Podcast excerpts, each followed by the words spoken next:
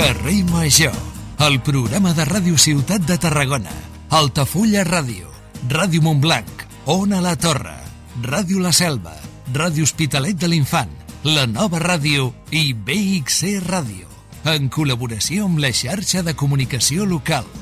Hola, molt bona tarda, com estan? Ara mateix passen 4 minutets i 40 segons del punt de les 4 i un dia més el saludem des de la seva sintonia de proximitat. D'aquesta manera, avui, des de l'exterior, com segurament hauran notat. De seguida els expliquem on ens trobem i per quin motiu. Ara comencem a recórrer Carrer Major, que és el programa de 8 ràdios del Camp de Tarragona i la xarxa de comunicació local. Aquí els expliquem tot el que hi ha i tot el que passa al territori i els agraïm que ens facin confiança, perquè fins que siguin les 7 ens aprovarem i els aprovarem a tots vostès a les realitats més diverses de casa nostra. I avui d'una manera molt especial, des de Tarragona, des de la part baixa de la ciutat, des del barri del Port. Avui som a l'antiga fàbrica Chartres i fem un salt a la Tarragona del segle XX. Un programa que servirà per contextualitzar els avenços en infraestructures com el port i el ferrocarril, la industrialització i l'auge comercial del territori. Fàbriques com la Chartres, De Müller o la Tabacalera en són un clar exemple. Així que fins que siguin bo i les 7 farem un recorregut per la seva història, pel llegat actual que ens han deixat i enfocarem també el seu futur. En un programa especial en què ja els asseguro que estic molt ben acompanyat d'un tarragoní de socarrel, d'un veí del barri del Port en tota regla, el nostre company de Ràdio Ciutat de Tarragona. Adrià Requesens, bona tarda. Bona tarda. Com estàs? Molt bé. Escolta, encantats que ens hagueu convidat al carrer Major novament fent parada aquí a la ciutat de Tarragona, eh? I tant, perquè, mm, com sempre ho diem, a Tarragona doncs, traiem molt de pit no, del llegat romà, però hi ha molta més història, moltes més etapes de, de la història de la ciutat que doncs, també són importants de posar en relleu. Molt bé, escolta, eh, el temps acompanyarà avui. L'altre dia, eh, que érem a la selva del camp, vam patir una mica, eh? El divendres passat va caure fins i tot com un plogim, com una boira pixanera que, que diríem. Avui què? Esperem que sí, esperem que sí. respectarà tot això? Sí? Esperem que sí. Confiem que sigui d'aquesta manera. Escolta, déu nhi eh? quin passeig farem avui, eh? El carrer Major ens queda una mica lluny, uh, això sí, però, eh?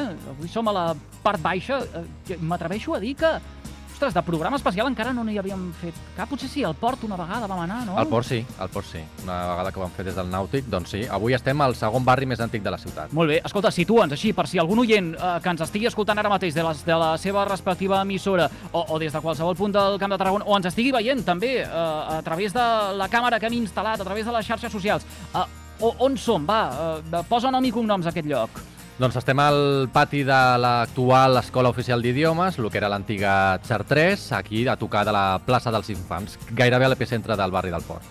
Per cert que aquest dijous 27 d'octubre el ministre d'Inclusió, Seguretat Social i Migracions, José Luis Escrivà, ha fet la seva primera visita oficial a Tarragona, una jornada que ha coincidit amb la publicació de l'enquesta de població activa que mostra un increment del 2% d'aturats, tot i que augmenta la creació de treball. El ministre ha valorat positivament les dades de creixement d'ocupació i també ha ressaltat que s'està posant el focus, diu, en el creixement de l'atur i no en la creació de treball. A més a més, Escrivà ha destacat que Catalunya creix per sobre de la mitjana i, de fet, ara el Principat ha superat el rècord d'ocupació ocupació en un tercer trimestre des del 2007. De tot plegat també en parlarem com toca al llarg d'aquesta tarda, que fem el programa número 945. Però de moment, Adrià, ens espera una tarda intensa, així a la primera hora, a moda de titulars. Eh, què passarà en aquesta taula radiofònica i més enllà d'aquesta taula radiofònica?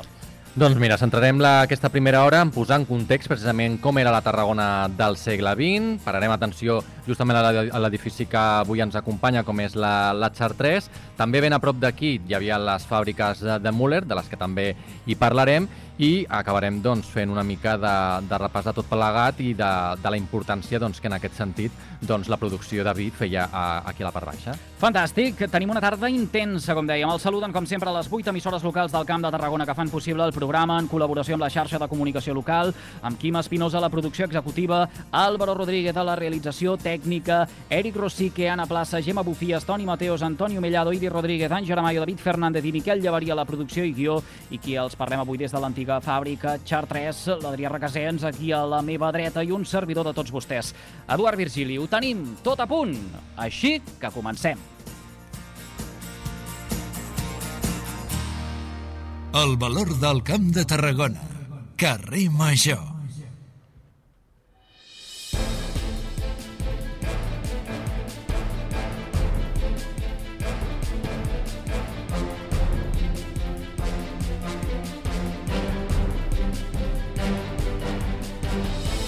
Per estar ben informats de tot el que passa al Camp de Tarragona, només cal estar al cas del que diuen, cal estar al cas del que publiquen les 8 emissores que fan possible Carrer Major. És dijous, 27 d'octubre de 2022 i aquest és l'Infotarda Daily. Anna Plaça, bona tarda, què tenim avui en portada? Bona tarda, Eduard. El ple de l'Ajuntament de Tarragona ha aprovat l'avançament del Pla d'Ordenació Urbana i ara començarà el procés participatiu per acabar de definir com serà aquest nou planejament urbanístic de la ciutat. El document previ ha rebut 14 vots a favor, els del partit de govern i en Comú Podem. Hi ha hagut 13 regidors que han votat en contra. Els socialistes s'han mostrat molt crítics i han arribat a demanar que retirés el punt de l'ordre del dia. Sandra Ramos és la portaveu del PSC. L'advertiment que fem no el fem per caprici, el fem perquè estudiant diferents sentències d'anul·lació de POUMS veiem veiem que és un risc que podem córrer. No, no només per això, sinó perquè realment ens hagués agradat que aquesta feina que es farà ara doncs fer-ho sin unes línies mestres tan marcades i tan eh, fixades. Per la seva banda, l'equip de govern ha defensat la proposta i ha demanat la màxima participació ciutadana i política en el procés que s'inicia ara. En el ple extraordinari d'avui dijous també han prosperat les ordenances fiscals de l'any vinent. Aquestes inclouen un increment del 28% de la taxa de la brossa. I l'atur ha pujat en 400 persones entre juliol i setembre a la demarcació de Tarragona i se situa en el 10,7%, una dècima per sobre del trimestre anterior. En canvi, en comparació amb l'any passat, l'índex de desocupats ha baixat un punt. Tot plegat es desprèn de l'enquesta de població activa que avui ha publicat l'Institut Nacional d'Estadística. Aquesta conclou que durant l'estiu l'atur ha pujat una mica, però les xifres han millorat respecte al mateix període de l'any passat. Llavors hi havia 47.000 persones buscant feina al territori, gairebé 5.000 més que enguany. I sobre aquestes dades també s'hi ha referit avui el ministre d'Inclusió, Seguretat Social i Migracions, José Luis Escrivà, que ha visitat Tarragona. Escrivà ha destacat la resiliència, la resiliència, volem dir, de l'economia catalana, tot i les dificultats que eh, suposa la condició internacional. Desde el punto de vista más macroeconómico, eh, la, tasa, la tasa de crecimiento del empleo es quizá lo más importante, son los nuevos empleos netos que se han creado y la verdad es que eh, somos el país de, Europa que más empleo está creando desde la guerra, eh, claramente, porque eh, en general están parados los mercados de trabajo, porque la situación internacional es muy, muy, muy compleja. En España el punto de reflexión, y en Cataluña también en particular, es la resiliencia de la economía y la capacidad todavía de crear empleo en condiciones internacionales muy difíciles. El ministre també s'ha referit a la falta de personal a les oficines de la Seguretat Social a Tarragona. Ha dit que s'està treballant per reforçar les plantilles després d'una dècada de congelació, un tema que s'ha abordat avui en una reunió a la subdelegació. Més coses. La cooperativa de Cambrils surt del concurs de creditors i aposta per un nou pla de viabilitat per retornar 13 milions i mig d'euros. El president de l'entitat, Pau Serra, n'ha presentat avui els detalls i ha explicat que l'opció escollida per la majoria dels afectats és recuperar els diners en 14 anys. Serra ha avançat que a mitjans de novembre es faran els primers pagaments. Per això que nosaltres volem fer èmfasi al Consell Rector amb les prioritats que tenim. Sobre, sobre una banda, la devolució dels diners a tots els impositors. I anunci, anunciem, com ja ha dit ara el Javi, que d'aquí un mes pagarem la primera quota que tenim pendents de pagar. I l'altra, per altra banda, també treballem per garantir l'activitat agrària dels nostres socis i dels productors. La secció de crèdit de la cooperativa de Cambrils va fer fallida l'any 2015 amb unes 5.000 persones afectades. Des de llavors, l'entitat ha retornat prop de 19 milions dels 32,5 que hi havia en deute. Els pagaments es van interrompre fa dos anys per la crisi provocada per la pandèmia. Carrer Major, la proximitat del Camp de Tarragona. L'Incasol i l'Ajuntament de Valls posen en marxa una actuació urbanística per fer 30 pisos al centre històric. Un projecte que també inclou la construcció d'un centre cívic i d'una nova plaça a l'entorn dels carrers de Sant Antoni i de Santa Úrsula. Per fer-ho possible s'urbanitzarà un solar de 1.000 metres quadrats a tocar de la plaça de l'Oli, que actualment és un aparcament de superfície. Un cop el plenari doni, llum verda a aquest conveni, també es podrà ampliar el sector nord del polígon industrial de Valls, que guanyarà 63 hectàrees. I Montblanc convocarà un ple extraordinari la setmana vinent per aprovar l'IBI i la taxa d'escombraries pel 2023. Les ordenances fiscals s'haurien d'aprovar ahir dimecres en un ple que es va acabar suspenent per falta d'acord entre govern i oposició. Carrer Major és proximitat. El Festival Rec de Tarragona ha presentat la imatge gràfica i les projeccions prèvies. Aquestes es faran durant aquest mes de novembre a tots els dijous al Caixa Fòrum de Tarragona. La 22a edició del REC es farà del 30 de novembre al 7 de desembre. El seu director, Javier García Puerto, n'ha avançat algunes novetats. Tindrem diverses novetats, sobretot a nivell d'espais, perquè els tarragonenses podran retrobar en un espai que no és tan habitual últimament, i que celebrarem eh, el creixement paulatí que ha tingut el festival dels últims anys. Les projeccions eh, prèvies eh, començaran el 3 de novembre amb La Maternal, la nova pel·lícula de Pilar Palomero que va aconseguir un gran èxit fa dos anys amb Les Niñes. I hem de parlar també de la vintena edició de la Ganxet Pinxo, que serà del 3 al 13 de novembre. Un certamen que arriba a la vintena edició després d'uns anys de trajectòria i en total ara hi participaran 33 establiments, dels quals un 15% s'hi incorporen de nou en relació amb la darrera edició. Dit tot això, coneguem quin temps ens espera de cara a les properes hores i coneguem, com fem sempre, amb el Servei Meteorològic de Catalunya. Molt bona tarda. Bona tarda. Durant les properes hores continuarem parlant d'aquest temps estable, amb aquest domini del sol, sí que en alguns punts amb el cel entranyinat amb alguns núvols mitjans i alguns de baixos que els hi ha costat de marxar durant el matí i que se'n tornaran a formar més de cara al final del dia, sobretot a punts costaners. D'altra banda, pel que fa a la temperatura també es mantindrà força suau i de fet durant aquestes immediates hores ha d'anar pujant i a hores d'ara ja es troba superior als 25 graus en molts punts del territori català. De cara a demà continuarem parlant d'aquest temps estable, d'aquestes temperatures força altes respecte a la mitjana climàtica i la tendència és que vagin baixant ja de cara a la setmana vinent, però ben bé fins al cap de setmana continuarem parlant d'un temps agradable. Això és tot des del Servei Meteorològic de Catalunya. Moltes gràcies. Ara sí, doncs ho deixarem aquí. Anna Plaça, gràcies també per aquesta pinzellada informativa amb el més destacat de la jornada al Camp de Tarragona. Passi-ho bé. Fins ara, adeu. I tots vostès poden recuperar l'Info Tarda Daily d'aquest dijous 27 d'octubre mitjançant les xarxes socials de les 8 emissores que cada tarda passegen plegades pel carrer Major. Gràcies per seguir-nos.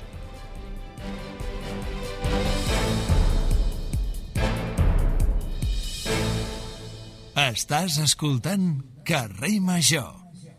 As we go marching, marching in the beauty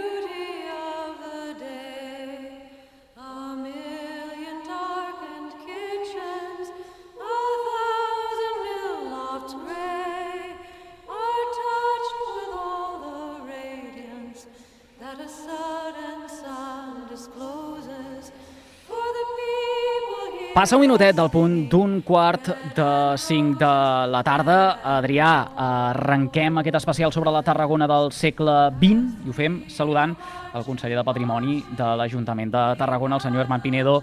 Senyor Pinedo, bona tarda. Bona tarda, què tal? Com està? Molt bé, estic patint una mica per si plou, però, Sí? però bé, bé. A, vo- a vostè també li ha semblat, eh, que sí? sí, que... sí, s'ha complicat el dia una mica des de fa un parell d'hores. Jo no sé què, què passa, que des que aquest programa surt a l'exterior, eh, el temps amenaça. Recordo, de fet, Santa Tecla, eh, aquell dia nosaltres no érem a Tarragona, vam, érem precisament eh, a una altra capital, a, a Reus, va ploure bots i barrals, eh, vostès van haver de suspendre els actes que hi havien programats per Exacte. aquell, per aquell dia. La setmana passada érem a la selva, també vam haver de posar-nos a xupluc, i avui, escolti, tinc una mica de por, eh? Sí, però si te'n recordes, Sant Simplici no va ploure. Sant Simplici vamos a aguantar ahí, aguantamos como solana. campeones. Té, té raó, té Vam raó. suar una mica, sí. Escolti, l'última vegada que parlàvem amb vostè era precisament eh, Allà des, des sí. d'un lloc d'alçada. Després Al- de fer-me patir una mica eh, al polític. Es va, es va engrescar vostè, però veritat, eh, veritat, recordem que va sorgir tot Reconeixo plegat a, la- a instància d'un programa meva culpa. Um, hem avançat en alguna cosa en Sant Simplici a la Doncs estem presentació? aquí, estem treballant en contactar i ja hem obert un procés, diguéssim, eh, de contacte, de, també de possibles sancions amb el propietari de Sant Simplici perquè actuï i, per tant, si no actua, actuarem nosaltres. Per que és el tant, que vam parlar. Llavors, el que passa és que anem, a l'Ajuntament va una mica lent, ja sabeu. eh, i tot allò de la placa que ens va explicar, com ho tenim? Això, eh, en teoria, ja està feta. Ara el que cal és que passi el procés o el termini d'al·legacions per si no fa al·legacions, doncs nosaltres pujarem i posarem la placa. Uh, ho anirem seguint, eh? Jo espero Eh, que enguany conseller, estigui ja, fet, sí. Ja sap que insistim moltíssim d'aquest Sí, sí, programa, sí, eh? sí, estem en moltes coses. Uh, una de les darreres ocasions, Adrià, que parlàvem amb el conseller, eh, era precisament en l'especial de Tàrraco Viva. Uh, pensàvem i centràvem l'atenció en tot el patrimoni, aleshores en el uh, llegat romà. Però eh, avui canviem de registre, podríem dir, no, Adrià? Sí, és el que comentàvem al principi, doncs Tarragona, tot i que sí que té un llegat patrimonial molt potent com és el llegat romà, doncs també té moltes altres èpoques, moltes altres etapes que també doncs, són importants de posar en valor i suposo que des de l'Ajuntament també es treballa en aquesta, en aquesta Home, línia. eh, miri, bueno, aquí a la part baixa tenim molt a prop d'aquí les termes romanes de Sant Miquel, això és molt important a nivell romà, també la necròpolis, també el port romà, que ja no existeix o ja no queden gairebé restos, però... Els Jardins Vapor, justament aquí darrere. Eh, exactament, però també tenim un patrimoni industrial molt important, parlem de Chartres, parlem de De Müller, parlem de la Casa Fontanals, que està vinculada a tot el comerç del vi, que crec que avui, Avui no anirem. quiero adelantar nada, però eh, veurem això. I també eh, també és important destacar la, la importància que va tenir Tarragona quan la plaga de la filoxera, que va provocar doncs, que a Europa, a molts llocs d'Europa, no hagués producció de vi, per tant Tarragona es va convertir, i això suposo que l'explicarà després, eh, se va convertir en un, un punt important de comerç del vi a nivell europeu. Per tant, també això explica una mica el creixement a finals del segle XIX i principis del segle XX de- Mhm. d'aquesta ciutat. Conseller, des de l'Ajuntament, com es treballa eh, la posada en valor de tot aquest patrimoni, que moltes vegades queda ocult perquè, clar, les restes eh, romanes eh, eh, criden a la vista de tothom eh, i de vegades se centra l'atenció precisament en tota aquesta època. Jo sempre dic el mateix, al final som una ciutat patrimoni mundial per les restes romanes, evidentment, i això s'ha de conservar, garantir i preservar. Ara bé, tenim un patrimoni, com deia abans, eh, contemporani, per exemple, modern també medieval, que s'ha de posar en valor. Per exemple, una cosa que estem fent aquí i estem intentant tirar endavant és el projecte de Casa Fontanals, una casa molt desconeguda a nivell de ciutat, que estem intentant, col·laborant també en la propietat, que després parlareu amb ell i crec que és un lloc molt interessant, intentem tirar endavant aquest projecte per convertir-ho en un espai museístic, en un espai museïsat, a la part baixa que sigui un centre cultural també de, de producció cultural. No? Mhm. En aquest sentit també doncs, eh, intentem en la mesura del possible col·laborar amb totes aquelles entitats o, o persones que volen o tenen un projecte a nivell patrimonial o el que sigui, intentem una mica fer difusió una de les parts importants, i ja acabo del projecte de difusió que tenim plantejat, jo crec que si no estarà en guany el que ve, serà també la senyalització de molts llocs, indrets eh, emblemàtics de la part baixa. Cal tenir en compte que molt d'aquest patrimoni, precisament del eh, segle passat, eh, conseller, el tenim en unes condicions una mica precàries. Ara em ve al cap, per exemple, la tabacalera, més endavant hi anirem i connectarem també en directe. Què passa amb la tabacalera? Se n'ha parlat moltíssim, s'hi han fet intervencions, eh, entenem que eh, aquí calen molts esforços per part de la classe política, també calen molts recursos eh, per poder posar en marxa molts projectes que s'han insinuat que podrien ubicar-se eh, en, en aquesta antiga eh, fàbrica, però que no avancen. És una d'aquelles qüestions encallades històricament. Si, si em preguntes la meva opinió, el problema és que no ha hagut un, un full de ruta concret a nivell de ciutat des de fa moltes dècades. Per tant, ara ens trobem en una situació en què tenim la tabacalera buida, efectivament, que estem intentant buscar, buscar projectes que li donin vida, però que també tinguin sentit, que li donin sentit a l'edifici. No es tracta d'omplir això de qualsevol cosa, per tant, que li donin sentit a l'edifici. I en aquest, no, en aquest context treballem doncs, per eh, convertir allò doncs, en un espai eh, cultural, també se va parlar de museus, se va parlar d'arxiu provincial i estem barallant-nos amb moltes institucions per aconseguir aquests objectius. De fet, l'última notícia que es va tindre és el mes de maig de que ja sí que es descartava per part de l'Ajuntament ubicar el Museu Nacional Arqueològic, que per cert encara està en remodelació. Bueno, eh, és que aquí la part important i s'ha d'explicar molt bé és que eh, rehabilitar tabacalera, recuperar tabacalera és molt costós. Per tant, la implicació de l'Estat, la implicació de la Generalitat, però sobretot de l'Estat, és molt important. I en aquest sentit, doncs, treballem, busquem col·laboracions, parlem amb ells. Bueno, el que passa és que les coses de Palacio, ja sabeu, van despacio i, per tant, eh, estem aquí, no en aquest punt, però estem en moltes converses i jo crec que, no em toca a mi dir-ho, no? però crec que estem en un camí, en el camí correcte. Eh, En quin punt es troba tot això? Bueno, doncs, per exemple, fa uns mesos vam presentar ja el projecte de la necròpolis amb el Ministeri de Cultura, sí. que va vindre el Miquel Iceta a presentar tot això. Són 7 milions que serviran per recuperar la necròpolis, un espai d'època romana, però que també ajudarà, contribuirà a revitalitzar aquell, esp- aquell espai de, de la tabacalera. No? Per tant, jo crec que una mica estem en el camí correcte, i, però calen negociacions encara i calen moltes converses.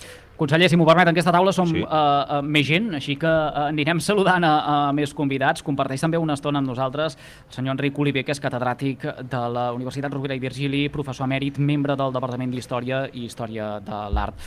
Senyor Oliver, molt bona tarda, benvingut. Bona tarda. Com està? Molt bé. On ens trobem? Ens trobem en el malic de la industrialització de la ciutat. Aquesta és, em sembla que hauria de ser la definició. Eh, hauríem de tirar enrere. Eh? Eh, entre almenys 1840 i 1960, l- la part baixa de Tarragona era el, el rovell de l'ou de la industrialització i de la vida eh, activa de la, de la ciutat.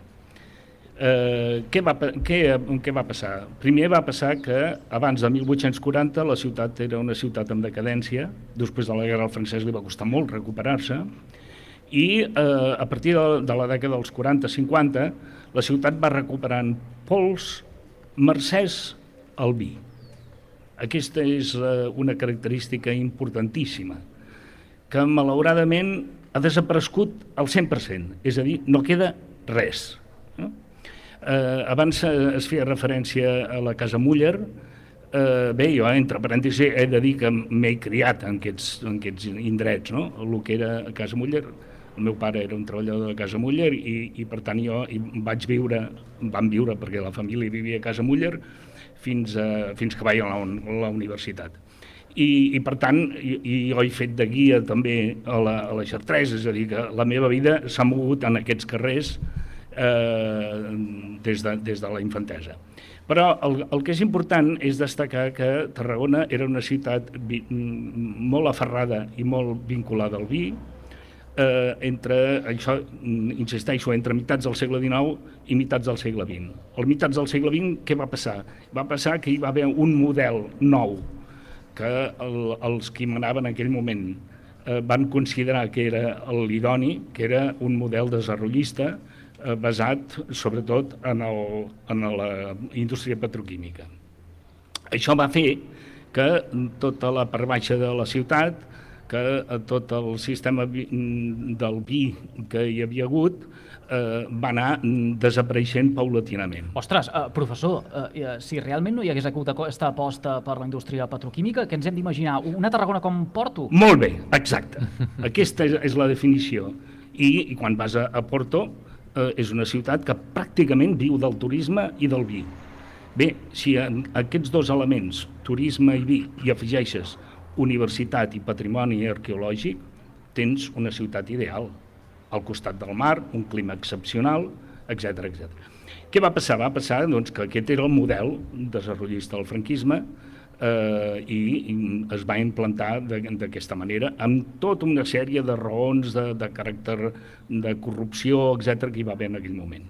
Però, eh, tornant al vi, eh, la ciutat de Tarragona exportava el vi a tot arreu del món, especialment la Casa Muller el, exportava el vi de missa vinculat a la Santa Seu i, per tant, exportava a tot arreu del món, des de la Xina fins al Vietnam, passant per Estats Units, eh, Sud-amèrica, etc etc. i, per tant, era eh, coneguda mm, eh, mundialment.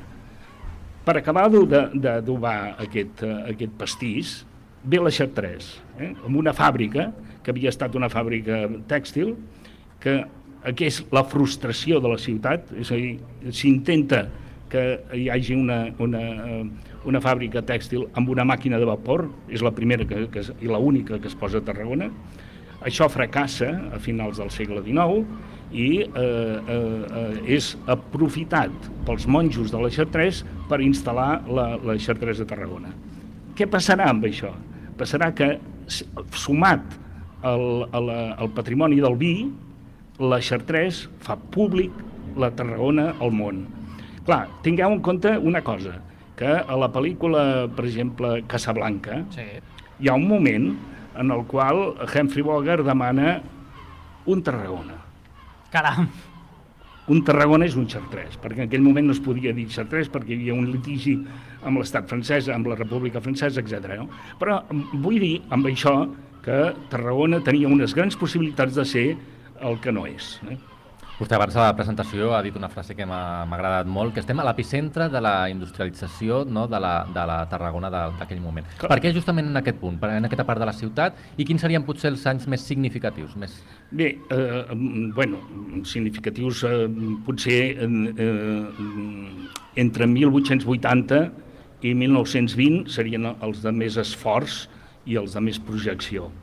Clar, penseu que la indústria del vi eh, i la indústria eh, de l'alcohol i la indústria de, dels licors com el xartrès, eh, hi havia altres. Per exemple, hi havia el bols. Eh? Hi havia una frase, eh, cadena, vols, vols. eh, i, i efe- efectivament el, el, el, el, tot aquest eh, entramat eh, significava que hi havia exportació, activitat al port, hi havia eh, fàbriques de, de, de botes, eh, etc etc. Tot això ha desaparegut. Malauradament, eh, la, la Casa Muller, per exemple, que tenia unes bodegues magnífiques modernistes, l'Ajuntament no va ser capaç de, de conservar i van desaparèixer. Eh, però, eh, per tant, eh, hi havia una fàbrica de- de- d'alcohol aquí molt a prop, va ser bombardejada pel Franco, per cert. Eh, en fi, hi havia tota una activitat eh, molt important fins als anys 20. Potser entre els anys 20, després amb la guerra, això va ser molt, molt dur per, per la ciutat i per aquesta economia, però jo vull mm, ressaltar una, una, una, un petit fet que em sembla interessant. Casa Muller va ser eh, expropiada durant la guerra, el 36 va ser col·lectivitzada, però els treballadors es van quedar igual. Llavors, els treballadors que es van quedar van anar prenent durant els tres anys de guerra vi per casa seva i van anar apuntant amb una llibreteta. No? El fulano de tal ha pres tants litros de vi.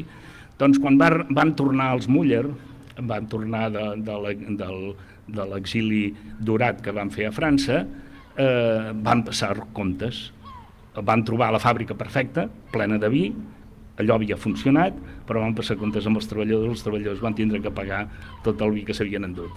En fi, són èpoques eh, dures i que després, eh, fins a- als anys 60, a partir dels anys 60, la, el, els, els, els, mm, els viticultors i les fàbriques de vi no van ser capaços de veure aquesta projecció tan interessant com avui veiem a, a la, al, per exemple, al Priorat, no? Per cert que el eh, senyor Oliver és autor també del llibre Chartres de Tarragona de la fàbrica al convent, que eh, l'ha portat i de fet eh, el, el podem veure Jo també a través, de la, fullejar, a través de, la, de, la, de la pantalla. Ara mateix passa un minut del punt de dos quarts de cinc de la tarda eh, i he de dir que avui comparteix una estona amb nosaltres algú amb qui cada dijous conversem a través del fil telefònic. És la nostra analista de l'actualitat, periodista i escriptora Cinta Bellmunt. Cinta, bona tarda, benvinguda. Hola, molt bona tarda. Com Encantada estàs? d'estar aquí, molt contenta de compartir taula amb vosaltres. La difusió, la difusió del patrimoni. Tantes vegades que n'hem arribat a parlar a carrer Major amb aquestes connexions que fem amb periodicitat setmanal. És que és molt important perquè, evidentment, hem de començar recuperant arquitectònicament els espais i acondicionar-los per les seves visites i pel seu coneixement.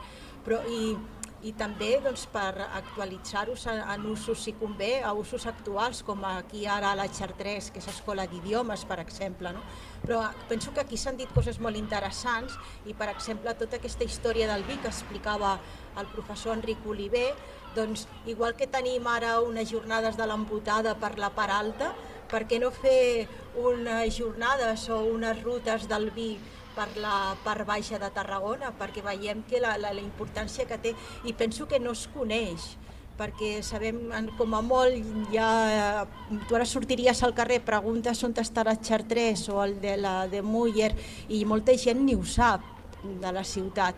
Llavors eh, serien com, com a fases importants no? de recupero l'edifici però després el projecte perquè eh, la ciutadania se'l senti seu i en gaudeixi d'una manera o altra. I en aquest sentit, creus que la ciutadania n'és conscient de tot això? Uh, No. Cinta, jo, jo et faig sempre aquestes preguntes uh, vinculades a, a, aquesta uh, vessant social i, i, i més humana, eh? Uh, ja ho saben també els, uh, els oients. Uh, avui aquí tenim, per exemple, l'Escola Oficial d'Idiomes, uh, però durant molts anys uh, ha estat un uh, edifici en, en ruïnes. Sí, i molt reivindicat perquè, perquè es recuperés i per sort, de moment ara doncs, ja li estem, donant, li estem donant un ús, però clar, caldria fer el mateix amb, amb, altres, amb altres edificis que, que s'han nomenat eh, aquí en, en aquesta conversa també.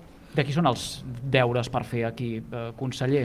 Doncs jo crec que la cinta va per el camí correcte, és a dir, promoció de la cultura eh, industrial que té la part baixa de Tarragona. I això, per això s'ha- s'han d'aprofitar espais que encara conserven aquest espírit una mica eh, antic de segle XIX, segle XX a la ciutat. I en aquest sentit, insisteixo, crec que un espai oportú per fer això és la Casa Fontanals i per sort tenim la propietat de cara amb això i després, evidentment, una qüestió molt important no? que s'ha parlat moltes vegades, com connectem la part alta, el centre, diguéssim, de la ciutat amb la part baixa i per això és fonamental eh, aquest projecte famós del que tant s'ha parlat de Jack Orsini Mm. i amb això estem també treballant amb el tema del Fòrum Colonial, que el Fòrum Colonial serveix una mica de connexió eh, geogràfica entre la part alta i la part baixa de la ciutat. Fem una cosa, ara passen 4 minuts de dos quarts de 5 de la tarda. Eh, si els sembla, coneixerem ara d'una mica més a prop, palparem els detalls eh, de- de- d'aquest edifici on ens trobem eh, avui. Eh, perquè el nostre company eh, Eric Rosique aquesta setmana ha fet una passejada per l'exterior, però també per l'interior de l'antiga fàbrica Chartres amb l'arquitecte i historiador Ramon Aloguín. Tot això és el que ens ha explicat. Doncs en aquests mateixos instants estem a l'antiga fàbrica de Chartres de Tarragona. Anem a posar una mica de context històric, sobretot les seves particularitats i belleses. I avui passegem amb el Ramon Aloguín, historiador. Uh, Ramon, doncs vaja, explica'ns, estem en un lloc icònic i sobretot estem al costat d'una xamanella que, explica'ns, era molt important per la ciutat.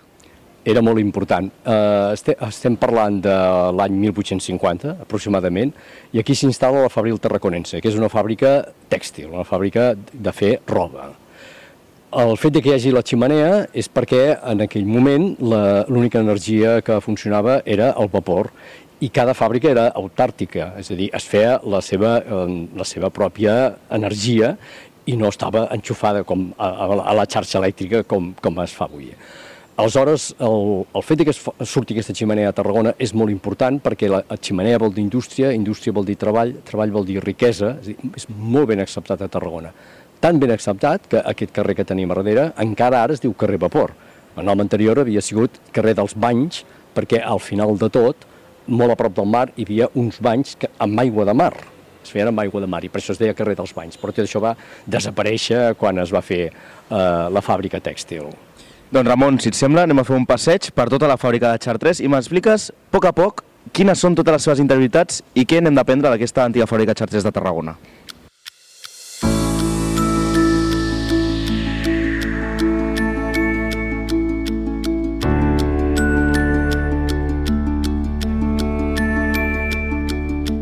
Doncs aleshores, Ramon, m'explicaves que era una fàbrica tèxtil. Què li va passar a aquesta fàbrica tèxtil per tenir aquesta, aquest canvi eh, de tipus de, de fàbrica fins a arribar-hi a ser la fàbrica de l'antiga Chartres? Va haver-hi un problema gruixut amb la fàbrica tèxtil, i és que va arribar una mica tard. Va arribar en un moment en què el tèxtil començava a estar en crisi, això d'una banda, el tema econòmic no va funcionar, però jo crec que el tema social tampoc va funcionar. És a dir, els inversors, per dir-ho així, que estaven eh, a davant d'aquesta indústria tèxtil, no eren precisament, eren persones que tenien molts diners, però no eren precisament persones que coneguessin bé el negoci del tèxtil. Llavors, si afegim una, una mica de, o, o no una mica, no, una bona crisi de, de la indústria tèxtil i el, el, una, un coneixement escàs dels propietaris, doncs és estrany que aquesta fàbrica mm, arribés doncs, un moment que, que perdés tot el, tot el seu interès. I se la venen. I cap allà, l'últim quart del segle, l'adquireix una família, que són els Müller. Els Müller són d'origen francès, han vingut a Tarragona a comerciar amb el vi, perquè el vi de Tarragona és conegut arreu d'Europa, i ells venen a, elaborar vi a Tarragona i a comercialitzar-lo arreu el primer que fan per això, la Chartres, com que l'edifici mm, és un edifici fabril que no té cap mena de decoració, ni són plantes amb moltes finestres i prou, hi posen una, una fàbrica d'alcohol, que és bàsic per fabricar després, eh, la- controlar les graduacions dels vins, etc. Dir, s'agafa el raïm més barat i amb això es fa alcohol. I aquesta fàbrica s'incendia, cosa, per altra banda, també normal. L'alcohol és extremadament volàtil i, molt, i s'encén molt fàcilment i eh, és el que passa. Es, es crema tota la fàbrica i llavors s'ha de fer una restauració. Aquesta restauració es fa a finals de segle i és quan l'edifici agafa l'aparença que, que ara estem veient.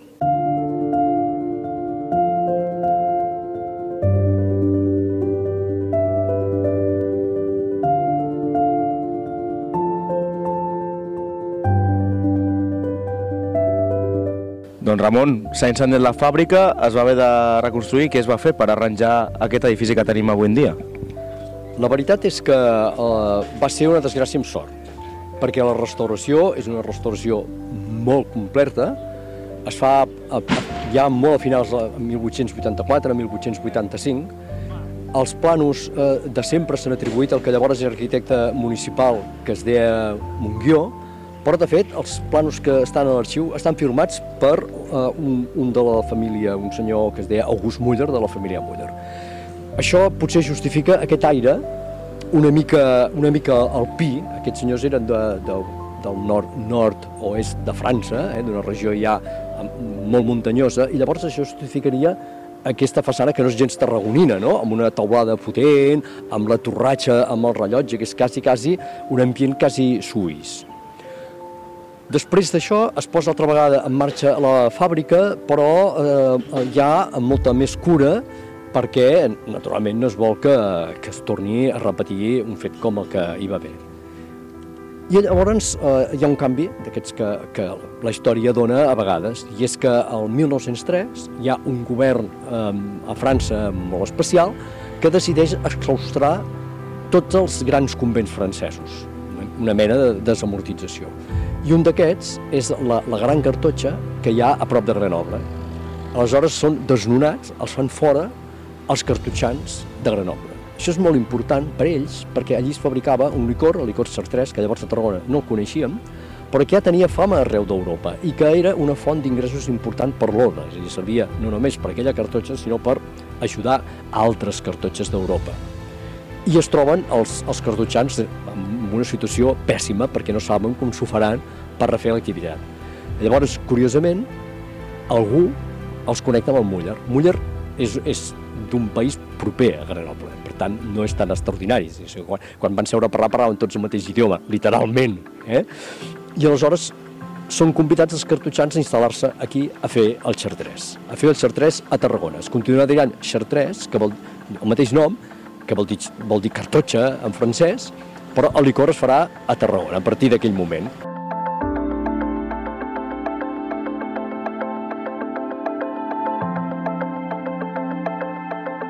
Doncs Ramon, m'explicaves, la cartutxa urbana, Chartres, el nom en francès de la cartutxa urbana. I estem aquí, que aquí tenim el símbol, tenim també el balcó, que també m'has dit que és important. Per què ho és? Quan es fa una cartotxa urbana s'han d'incorporar a l'edifici, que no estava preparat per ser-ho, tot un seguit de característiques. Aquí en veiem dues molt importants. Un és el balcó, aquest balcó no és realment un balcó, sinó que és un passadís exterior per tal de que les persones que estan a la tercera planta, vivint en aquesta cartotxa urbana, no hagin de travessar la capella quan van d'una banda a l'altra de l'edifici. Llavors es fa aquest balcó, surten a fora del balcó, fan el tom i continuen caminant. Això és un dels trets que, claríssims que es veu molt bé. Un altre, que des d'aquí també es veu, és aquella ximenea que tenim al final de tot, que és una ximenea d'una cel·la. Els cartutxans, pel seu ordre, si això, qualsevol cartutxa que aneu, i en tenim una molt a prop, a Escala Dei, els cartutxans vivien sols, eh, amb una comunitat però separats, cada un al, al seu habitacle, al seu, com una mena d'apartament. I cada un d'ells tenia la ximenea, i per això hi ha aquestes ximenees petites, que al pati n'hi ha més i que segurament han desaparegut perquè cada una de les cel·les ho tenia.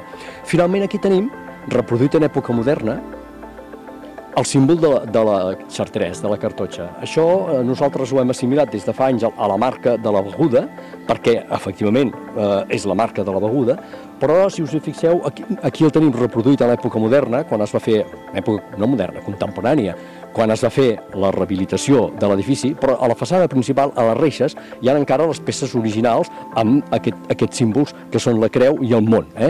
En llatí no ho diré perquè ho diria malament, però això, ells diuen una cosa així com el, do, el, el món va girant però la creu està fixa, que eh, és una alegoria de dir el món que facin el que vulguin per nosaltres que estem al creu, estem quiets, parats, tranquils i te- tenim una sabidoria que ens portarà cap a la salvació. No? Dir, se senten molt diferents de, de, de la resta dels humans. Finalment, tenim dues peces de, de la cartotxa urbana que des d'aquí no les veiem, el, el Jardí de la Mare de Déu, que en aquests moments no s'hi pot accedir, que és on hi havia la Mare de Déu d'Escala Dei. És a dir, quan, quan eh, els cartotxans van vindre aquí, els propietaris de- d'Escaladei, que, que eren un seguit de persones de Tarragona, van dir, home, per què no veniu a Escaladei? Els cartutxans van dir, escolta, això d'Escaladei està destrossat, ja estem bé a Tarragona, no? Ah, doncs, eh, i si us portem la Mare de Déu que hi ha a Escaladei? Van dir, ah, això sí. Llavors, l'any 10-11, aproximadament, van portar la Mare de Déu, que es va estar aquí fins l'any 95, en què altra vegada la, tota la cartotxa d'Escaladei va ser de la Generalitat i vam, eh, la, la, la Xartres de Guitarró també era de la Generalitat, vam agafar la Mare de Déu i la vam traslladar eh, a Escaladei una operació que, vaja, jo la trobo molt divertida. L'altra peça, que aquesta és a Tarragona mateix i que la, tothom la pot anar a veure, és que dintre el cementiri hi ha un cementiri dels cartutxans. Els cartutxans s'enterraven, com és natural, a la seva pròpia cartotxa, però amb una cartotxa urbana això no es podia fer. A Tarragona hi havia un cementiri ben organitzat, on la gent s'hi havia d'anar a enterrar, no es podia enterrar a qualsevol lloc, i aleshores ells van fer un seu cementiri. Hi ha una tanca a dintre del cementiri que a la porta hi ha l'escut aquest del món i de la creu i a dintre hi ha unes senzilles creus per terra que simbolitzen els, els cartutxans que eh, s'hi van enterrar. Que em penso que són entre 12 i 15, una cosa així.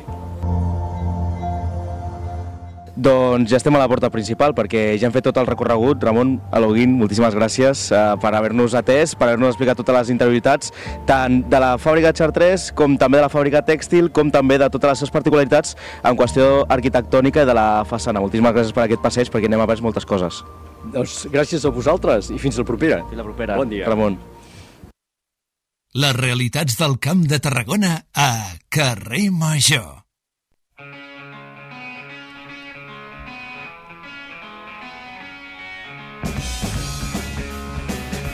Són en punt 3 quarts de 5 de la tarda. déu nhi de quin passeig que hem fet, eh, Adrià, amb l'Eric Rosique. Superinteressant.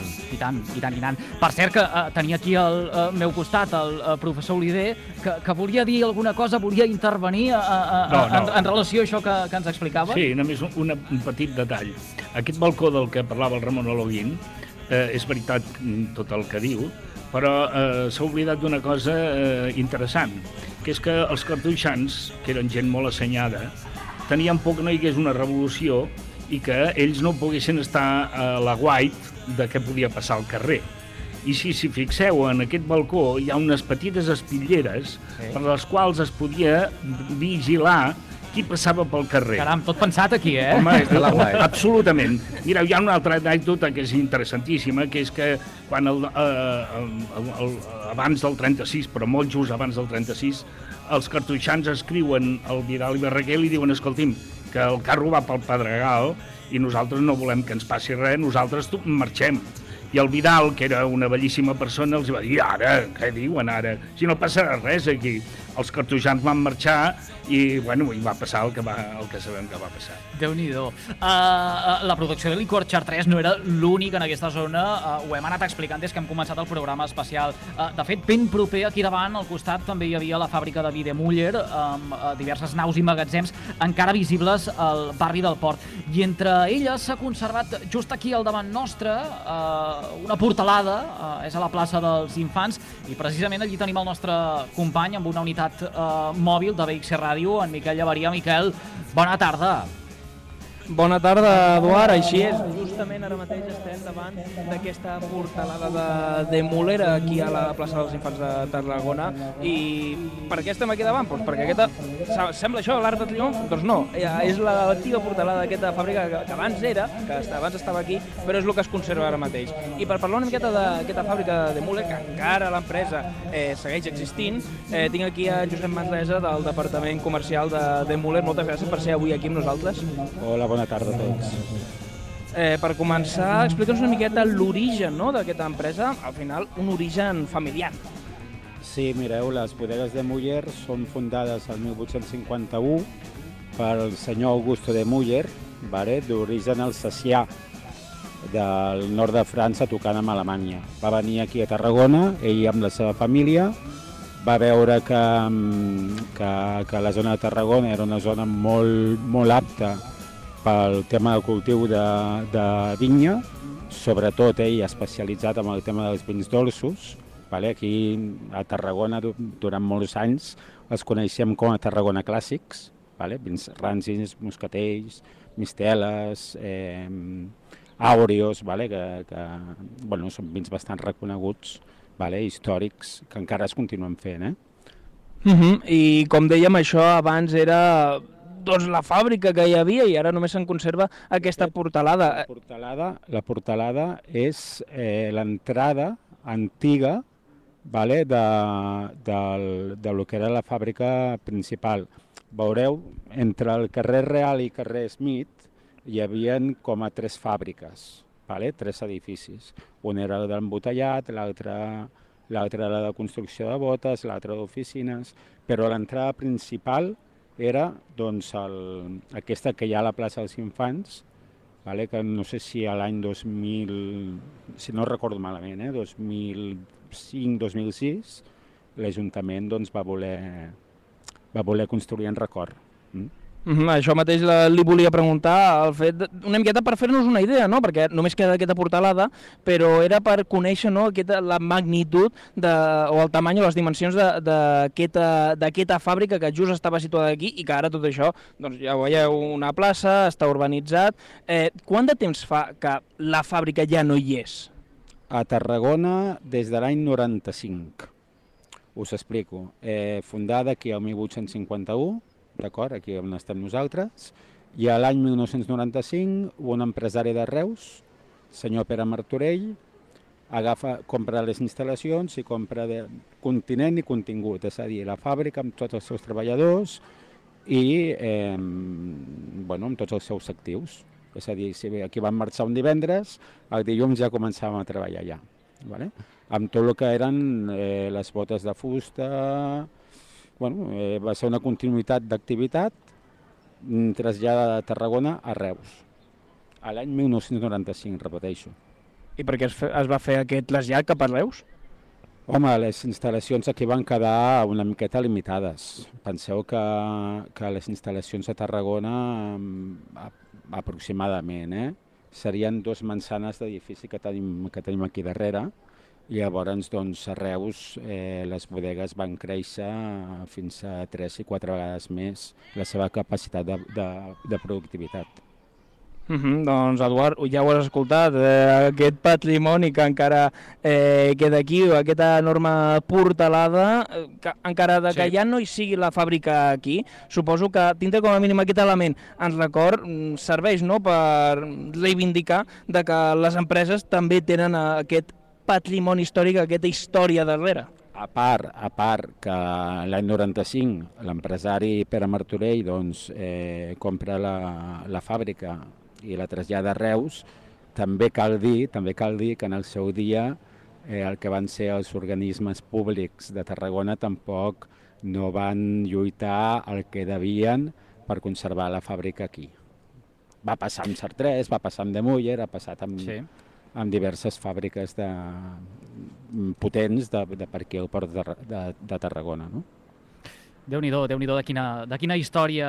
Uh, Josep Manresa, membre del Departament Comercial de, de Muller, gràcies per compartir aquesta estoneta en directe al carrer Major uh, de les ràdios de la xarxa al Camp de Tarragona, avui edició especial. Molt bé, eh, és, aprofito ja que, que, que em teniu en antena. Si voleu fer una visita a les instal·lacions a De Muller, qui vulgui, allà mm, conservem bastant, bastant de forma, eh, de forma pura tot el que eren eh, les, el sistema de, de criaderes que teníem a Tarragona. Eh? És a dir, que, s- que si voleu venir a, Tarrag a Reus a visitar, mm, tenim molt de material eh, fotogràfic que us pot servir d'ajuda si voleu, si voleu conèixer una miqueta més les bodegues amb exactitud.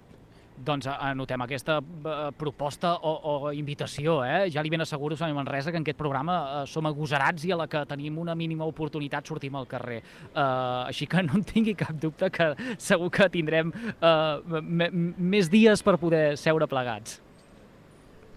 D'acord, moltes gràcies i sereu benvinguts. Merci. Moltíssimes gràcies. A reveure. I gràcies també, Miquel Llevaria, que vagi bé. Fins ara. Vinga, ens veiem. Uh, Déu-n'hi-do, eh, Adrià? Parlàvem aquí d'una banda diners i d'altra banda voluntat. Uh, una miqueta com, com passa encara a dia d'avui, eh? És la frustració d'un model, eh? és la frustració d'un model que, com deia aquest representant de la Casa Muller actual, és la, la ciutat no va saber defensar, va optar per un altre model, mm, no sé si aquell altre model podia haver funcionat, no ho sé, però en tot cas eh, hi va haver un procés especulatiu eh, desorbitat, absolutament desorbitat, no? I, i la desaparició de tota una estructura econòmica que, que malauradament ha desaparegut. Cinta, quins reptes eh, té per davant Tarragona per reivindicar tot aquest patrimoni del segle XX? Moltíssims. I jo penso que cal valorar també els esforços que es fan des de les bases socials que hi ha moltes iniciatives, hi ha molts grups que recuperen història de la ciutat, hi ha gent que li atrau, per exemple, el modernisme i organitzen rutes d'una manera totalment altruista per, per la ciutat i penso que amb la mida també que com a ciutadans ho reivindiquem, també serà com una cadena, les institucions també es faran més cas, si no t'estimes el patrimoni i no el coneixes, és una roda, és molt difícil. Si no coneixes, no defenses res perquè no en tens constància. Quan ho coneixes, ho descobreixes i l'aprecies, la, llavors és tot un engranatge que, que ja no té aturador. Professor, quins reptes té? Bé, el, els reptes ja els heu dit, no? no? Són molts, però és que és la ciutat dels projectes. Malauradament, els últims, eh, no sé, els últims 15 o 20 anys és la ciutat dels projectes inaudits i inacabats. Recordem la, la, el Banc d'Espanya, la tabacalera, que la tabacalera realment és un, entre cometes, és un mort. És enorme i com que és enorme requereix una inversió brutal no sé si la paga la pena. Eh, en tot cas ja no ho sé jo com que sóc historiador em miro al passat i el passat és que és, és una pena haver desaparegut fàbriques com la, la Muller. I he de, de reivindicar que eh, si la Chartres encara existeix eh, és mercès, per exemple, el, el, el, el Josep Gomis, que va ser conseller i que va veure claríssimament que s'havia de comprar i que la Generalitat en aquell moment va comprar i que mm. gràcies a això avui tenim la, la, la, la Chartres en marxa i funcionant. Enric Oliver, catedràtic de la Rovira i Virgili, professor emèrit, membre del Departament d'Història i Història de l'Art. Uh, gràcies per compartir aquesta estoneta amb nosaltres. Gràcies Un a vosaltres, sempre que vulgueu. Gràcies també a la Cinta Bellmunt, la nostra analista de l'actualitat, avui uh, fent-nos companyia aquí al pati de l'antiga fàbrica Chartres. Cinta, un plaer també. Un plaer per mi també, moltes gràcies. Que vagi molt bé a reveure. Conseller, es pot quedar un momentet encara amb nosaltres? Un parell de coses, però no tinc temps després. Hem d'anar hem d'anar a publicitat ara. Vale, d'acord. Uh, i, I a més a més, em permetré no sé, la llicència de fer-li un parell de preguntes que res tenen a veure amb el patrimoni del segle XX, però ja sap com som els periodistes. El que vostè vulgui. Moltíssimes gràcies. Adrià Requesens, petita pausa i de seguida pausa, tornem, no? tornem. Com sempre. Doncs va, uh, vostès no canviïn de dial. Això és Carrer Major, uh, la seva sintonia de proximitat al programa de les emissores de la xarxa al Camp de Tarragona. Quatre anuncis al butllet informatiu de les 5 i aquí ens trobaran. Gràcies i fins ara.